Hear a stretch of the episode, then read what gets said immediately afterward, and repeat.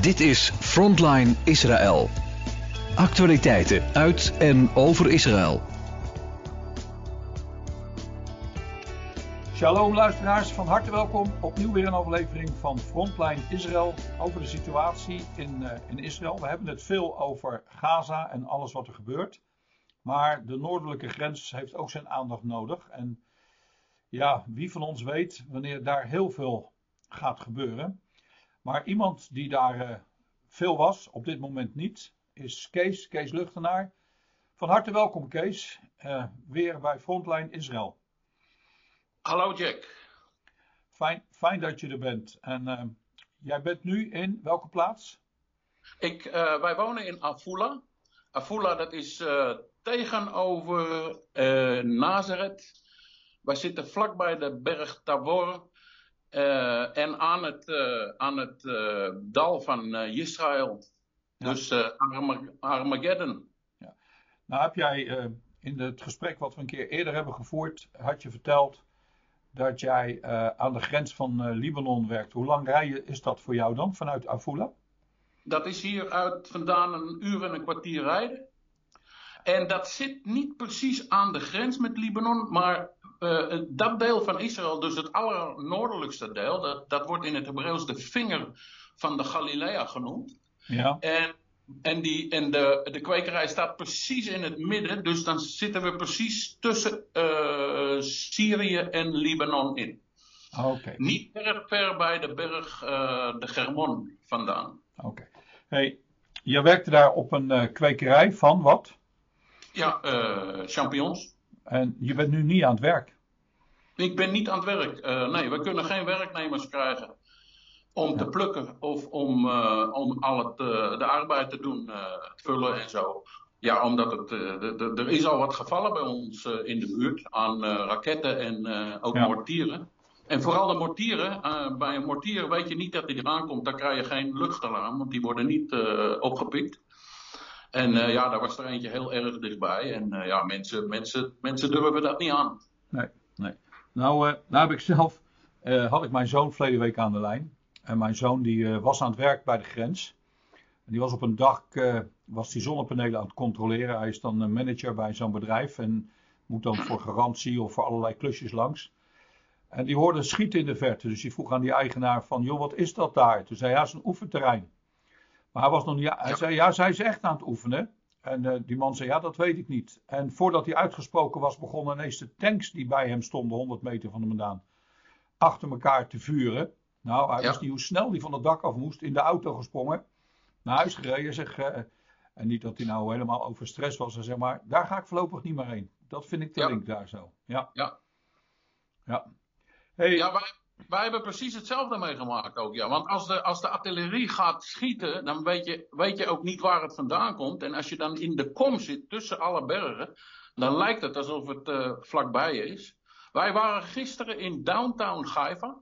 Ja. Uh, uh, mijn zoon woont in Haifa. En, en toen waren er twee projectielen boven uh, Kiryat Bialik. Die werden neergeschoten. Ja, de herrie is ongelooflijk. En, en waar kwamen die vandaan? Die kwamen uit Libanon? Die kwamen uit Libanon, ja. Ja, ja want je merkt wel dat er een lichte verhoging is, toch, van schieten? Wat zeg jij, Jack? Er is toch wel iets, een lichte verhoging, toch? In de zin van, ja, de, het wordt meer... verhoging. En, en, Israël is nog steeds niet aan het uh, terugslaan, zeg maar. Uh, die houden het toch wel rustiger dan dat ze zouden hebben gedaan als het alleen maar Libanon was geweest.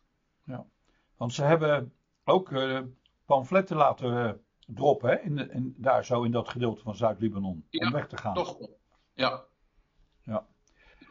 Hey, en wat, wat kan jij zo vertellen van de oorlog? Want een van de dingen die ik verleden week hoorde was dat uh, ondanks dat wij zo betrokken zijn bij die oorlog in Gaza en die vreselijke beelden daar zien, um, krijg ik te horen dat eigenlijk in de, in de steden zelf en zo uh, er gewoon gewinkeld wordt, de terrasjes vol zitten en zo. Is dat echt zo?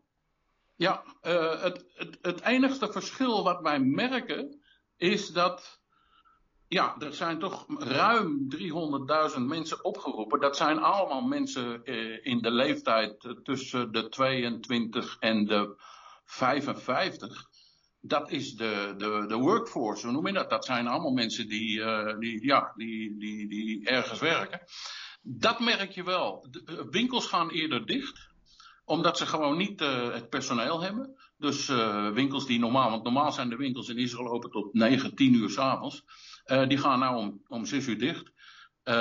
maar voor de rest, vooral in een, een, een zelfs in Haifa, wat toch een beetje wel een target is.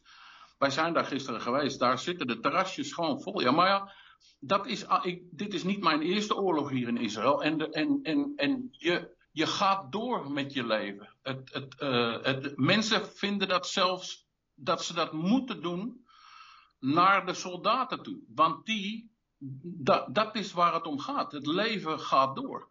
Ja. En uh, dat, de saamhorigheid in Israël is ook ontzettend uh, sterk op deze momenten van oorlog. En ja, het, het, het, ik ga niet zeggen het bruist in de stad, maar mensen gaan wel gewoon door, ja. ja. En Haifa is natuurlijk een stad waar ook heel veel Arabieren wonen. Merk je daar iets van spanning met hen?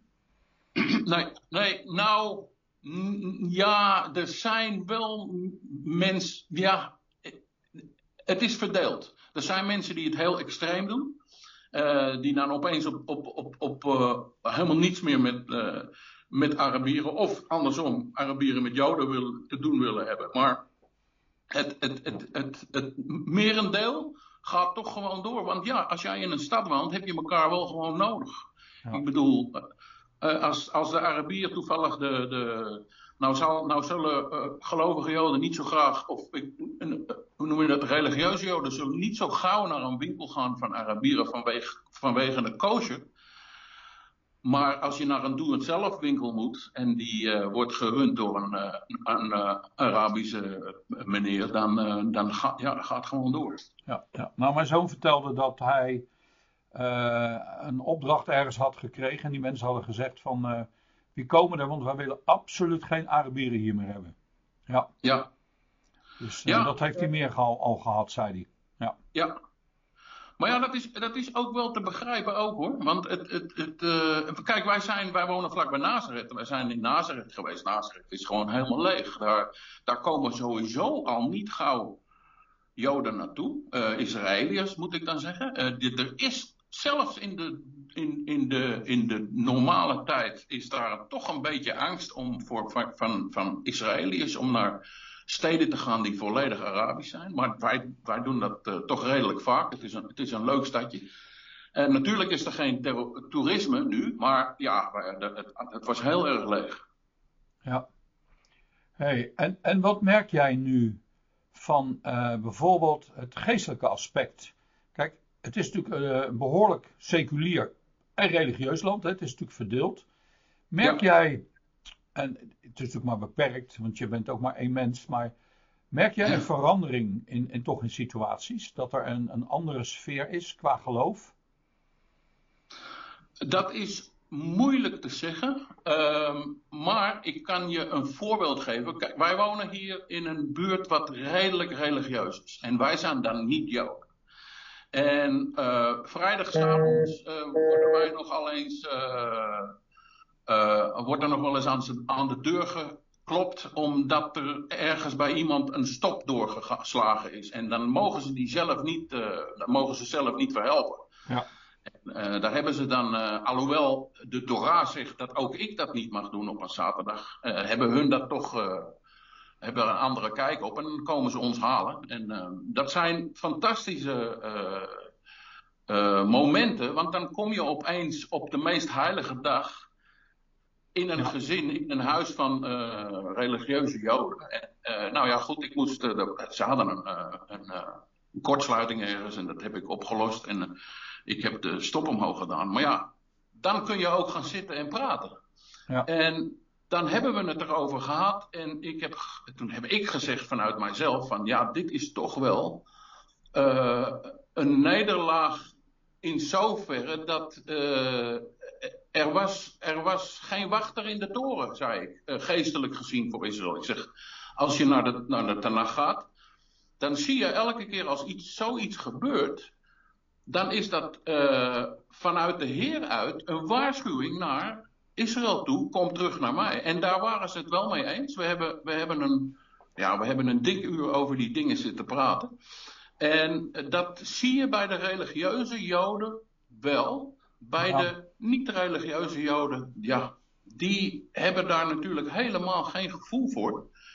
En uh, die vinden gewoon dat er uh, peace moet komen, dat er, dat er uh, vrede moet komen. En dat er alles voor in het werk moet worden gesteld. dus kijk, de verdeeldheid in Israël is op dat gebied groot. En um, dat, is, dat, is, dat is erg jammer. Ik, ik zie dit echt als een begin van het schudden, waar toevallig ook uh, de, de, video waar, die ik nu aan het vertalen ben van Dirk Prins overgaat. Ja. De Heer gaat schudden, de Heer gaat Israël schudden, de Heer gaat de wereld schudden. En we moeten allemaal op ons hoede zijn. En we moeten allemaal uh, terug naar, naar, de, naar het originele, naar de Heer. Ja. Nou, dat is wel heel mooi, want uh, om het toch nog even over te hebben, het hebben over de dagelijkse gang van zaken natuurlijk. En um, jij werkt ook voor Dirk Prince Ministries. Daar ja. doe je vertaling voor. En uh, heeft dat veel, bereiken jullie veel met Dirk Prince Ministries in Israël? Ja, uh, de, de, het, gaat, het gaat omhoog. Er zijn nog niet genoeg. Uh, er zijn nog niet echt genoeg video's vertaald. Want ik ben de enigste op dit moment die de, dit doet. Ja. En ik doe het naast mijn, mijn, mijn eigen werk. Maar er, er is zeker interesse, ja. Ja. Dan hadden we het net ook nog even over de, de hulpvraag. Want jij werkt dan op een kwekerij ja. waar je dus nu niet aan de slag kan. En toen hadden we het over, nou, er is zoveel vraag. En jij hebt, dat was toen het, de eerste keer dat we elkaar spraken hier voor de radio. Had je net, ik weet niet of dat die dag ervoor was geweest, een stuk van je pink was eraf gegaan in de machine. Ja. Ja, en dat is nog niet genezen, want anders zou je ook graag gaan helpen. Ah, precies, ja. ja. ja. ja. Ja, en, en, en ja, dat was, nou ik moet heel eerlijk zijn, dat was een, een waarschuwing naar mij toe. Nou, kijk, als wij in de Heer zijn, dan gebeurt er niets voor niets. Jack, jij hebt zelf een probleem met je stem, heb je mij verteld? Ja. Ah, dat, dat is niet zomaar iets. En uh, wij moeten altijd naar de Heer gaan om te vragen, wat is er aan de hand? Uh, wat heb ik fout gedaan? Of wat wilt u mij leren?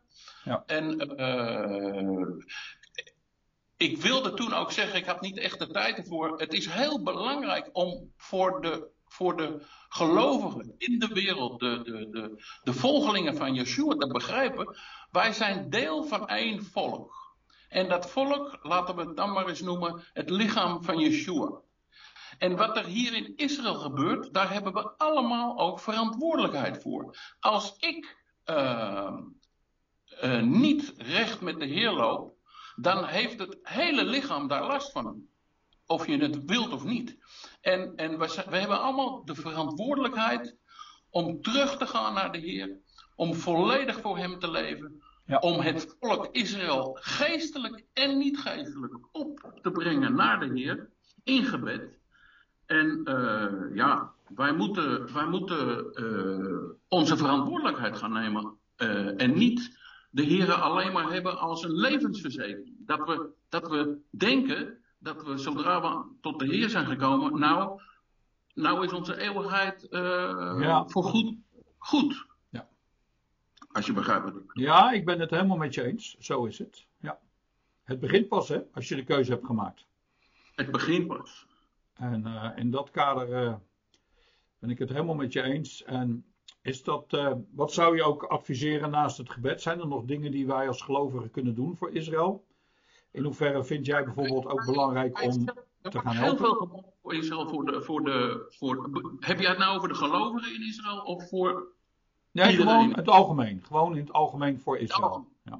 In het algemeen is het bidden natuurlijk de eerste zaak. Het is wel uh, de eerstgeborene van God. Ja. Hoe dan ook. We moeten weten wat onze uh, re uh, relatie is tot, in opzichte van Israël. Aan de andere kant moeten we smeken voor ze, want ze kennen de Heer niet. beide de religieuzen en de niet-religieuze. En er gaan verhaaltjes rond dat de Heer zijn eigen weg heeft met Israël. Er is maar één weg en dat is Yeshua. En uh, daar kunnen we niet omheen en daar kan Israël niet omheen. Nee. Dus het is wel degelijk zaak uh, en uh, belangrijk om voor de Heer te smeken, voor de eerstgeborene, ook voor ons Yeshua heeft voorgebracht. Ja. En beste mensen, ik weet dat er een tijd aan gaat komen van zeer grote verdrukking voor het volk Israël in het vlees. We zien het nu al wereldwijd antisemitisme. Ik weet niet of jullie nu heren horen op mijn telefoon wat er gebeurt. Maar op dit moment zijn er erg veel uh, raketten die, uh, er is er nou eentje in Upper Galil, eentje in Akko. Het is nu weer gaande, wat jij net zei, uh, Jack. Ja.